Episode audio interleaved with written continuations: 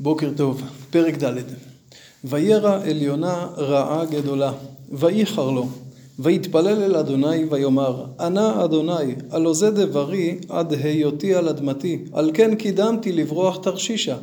כי ידעתי כי אתה אל חנון ורחום, ערך אפיים ורב חסד, וניחם על הרעה. ועתה אדוני, קח נא את נפשי ממני, כי טוב מותי מחיי. פה מופיעה סיבה נוספת שיונה אומר אותה במפורש. מדוע יונה לא רצה לצאת לשליחותו? אומר יונה לקדוש ברוך הוא, אתה יודע למה לא רציתי? כי ידעתי שתקבל את תשובתם. נו, אז מה? מה הבעיה בזה? אומר יונה, יונה מונה את מידותיו של הקדוש ברוך הוא, אבל הוא משמיט אחת. ערך אפיים ורב חסד, במקום מידת האמת הוא אומר וניחם על הרע. יונה בן אמיתי, יונה איש האמת, מוחה, אין פה אמת. דיברנו אתמול על תשובת אנשי ננבה, שהיא תשובה חיצונית, שהיא תשובה זמנית, היא לא מחזיקה לאורך זמן. יונה איש האמת סובר שלא צריכים לקבל את תשובתם. אמנם זה עדיין לא מסביר את פסוק ג', יש פה ויכוח עם הקדוש ברוך הוא על הנהגתו את העולם, אבל בגלל זה טוב מותי מחיי. פרשנים אומרים שפסוק ג' חוזר לסיבות שהזכרנו בפרק א'. זאת אומרת, יונה מבין מה הולך להיות המחיר של זה ביחס לעם ישראל. יונה כל הזמן קיווה שאולי אנשי ננבה לא יקשיבו לו, שאולי לא יתחולל מהפך. וכשזה קורה והקדוש ברוך הוא חוזר בו, הוא מבין שהוא הכשיר את הגרזן שיונף על עם ישראל. ועל כך הוא אומר, טוב מותי מחיי. ויאמר אדוני, ההיטב חרא לך? ויצא יונה מן העיר, וישב מקדם לעיר, ויעש לו שם סוכה, וישב תחתיה בצל, עד אשר יראה מה יהיה בעיר. יונה עדיין לא מאבד תקווה, הוא אמר עוד ארבעים יום ננבה נהפכת, בוא נראה, אולי עד סוף ארבעים יום התשובה לא תחזיק מעמד, אולי הקדוש ברוך הוא יחזור בו. וימן אדוני אלוהים קיקיון, ויעל מעל ליונה להיות צל על ראשו להציל לו מרעתו. וישמח יונה על הקיקיון שמחה גדולה. אמנם בפסוק הקודם יונה בנה סוכה, אבל כנראה הוא יושב שם כמה ימים, חם, זה אזור מדברי, וכנראה שהסוכה מתייבשת והוא כבר נותר ללא צל, והנה הקיקיון מצל על ראשו. וימן האלוהים תולעת בעלות השחר למחרת, ותח את הקיקיון, ויבש. ויהי כזרוח השמש, וימן אלוהים רוח קדים חרישית. ותח השמש על ראש יונה, ויתעלף.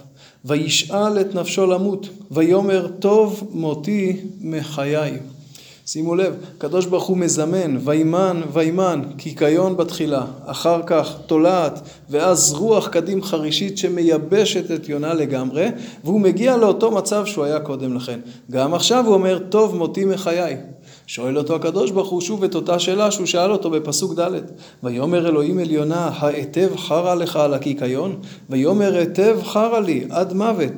ויאמר אדוני, אתה חסת על הקיקיון אשר לא עמלת בו ולא גידלתו, שבן לילה היה ובן לילה אבד, ואני לא אחוס על ננבה העיר הגדולה, אשר יש בה הרבה משתים עשרה ריבו אדם אשר לא ידע בין ימינו לשמאלו, ובהמה רבה.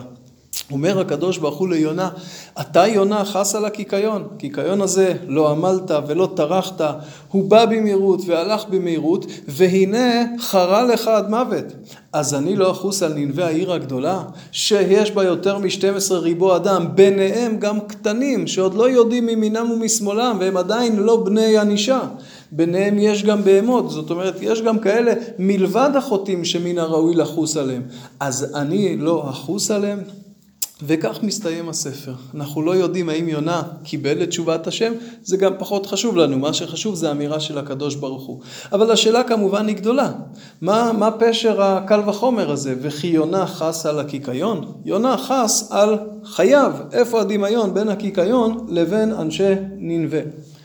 ואפשר אולי להציע שתי תשובות. אחת, הנה חינמי, הנקודה זה לא הקיקיון. אבל הקיקיון הזמני הזה, פתאום אנחנו רואים איזו משמעות עצומה הייתה לו. חיי יונה היו תלויים בו.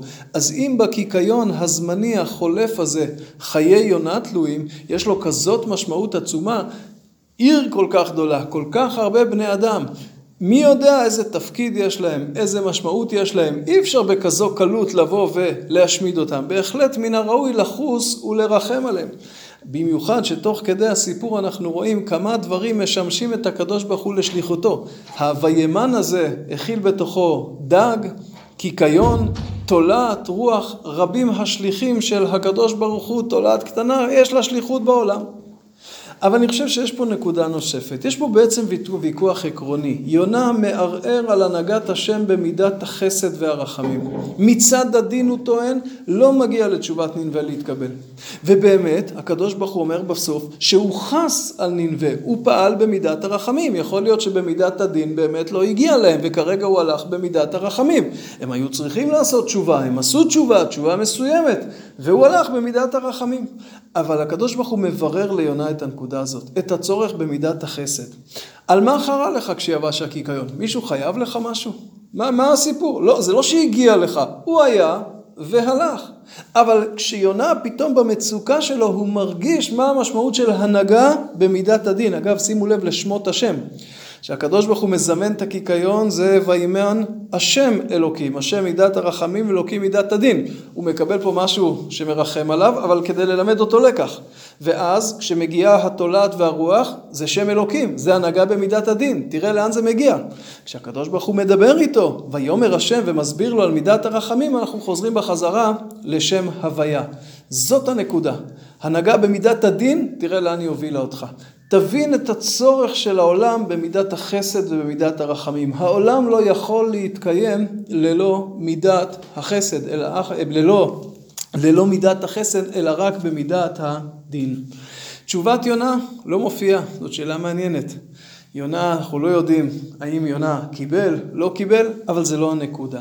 אנחנו קוראים את ספר יונה במנחה, ביום הכיפורים.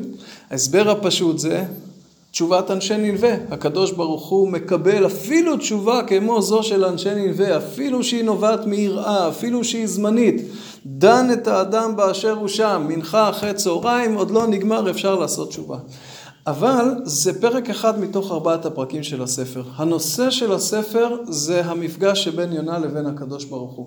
שני הפרקים הראשונים מלמדים אותנו על חובת האדם בעולמו.